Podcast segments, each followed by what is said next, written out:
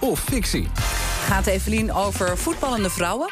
Vandaag een interessant stuk in de Volkskrant. Vrouwenvoetbal wordt steeds populairder, dat weten we. Maar het materiaal waarmee uh, voetballers spelen is vaak nog gericht op mannen.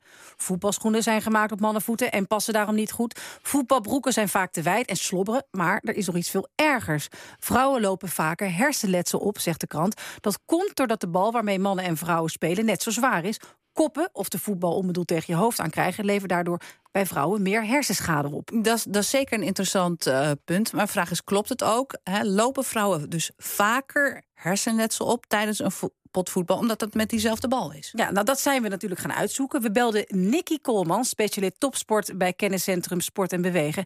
Zij zegt dat dit onderzoek hiernaar een serieuze wetenschappelijke beperking kent dat het dus moeilijk is om vast te stellen dat voetbal dus ook de oorzaak is van hersenschade. Dus namelijk onethisch en daardoor dus ook niet mogelijk om een experiment te doen waarin spelers heel veel moeten koppen als het vermoeden bestaat dat koppen wel eens zou kunnen leiden tot hersenschade. Ja, dat is natuurlijk niet zo ethisch om dat dan te gaan testen op die mhm. manier. Maar toch, er is veel onderzoek gedaan naar dit onderwerp. Bijvoorbeeld door de hersenen van overleden sporters te onderzoeken. Nou, daaruit weten we dat sporten uh, wel degelijk hersenschade kan opleveren. Maar zijn er meer bewijzen? Zeker. Wij bespraken bijvoorbeeld ook met Rianne Schorel. Zij was profvoetbalster bij Adel Den Haag. En toen ging het mis toen ze een bal hard op haar hoofd kreeg. Het was een uh, bal tegen een van mijn teamgenootjes die schoot op het doel en ik zag de bal niet aankomen. Toen daardoor daarna zeg maar, raakte ik buiten bewustzijn. En toen ben ik weer opgestaan en ben weer door gaan voetballen. En ik ben niet uh, van het veld afgehaald. Ze werd niet van het veld afgehaald, maar had wel serieuze klachten. Dus alles om me heen, zeg maar, sprong. En het was net alsof ik in de Mario Bros, um, zeg maar, game zat. Ja, alles bewoog. Maar ja, het is, weet je, ik ben een voetballer, hè, dus je wilt winnen en je wilt doorgaan. Dus dat is ook wat ik bleef doen, zeg maar. Uh, doorgaan. Ja, haar klachten bleven zo lang zo erg dat ze hierom haar voetbalcarrière heeft moeten stoppen.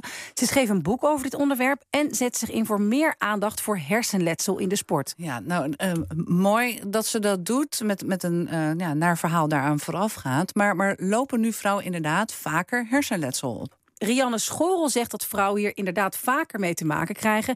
En dit wordt ook bevestigd door Edwin Goedhart. Hij werkte als sportarts bij, sportarts bij Ajax en AZ en werkt nu bij de KNVB. Maar als je de wetenschappelijke de, de, zeg maar, de data gaat bekijken zeg maar, over langere tijd, en of het nou uit Amerika is of uit de andere delen, dan zie je wel inderdaad dat bij vrouwen het uh, twee tot drie keer vaker voorkomt een hersenschudding. Ja, twee tot drie keer vaker een hersenschudding bij vrouwen. Hij zegt dat dit onder meer komt door het feit dat in het jeugdvoetbal meisjes minder trainen op koppen en luchtduels.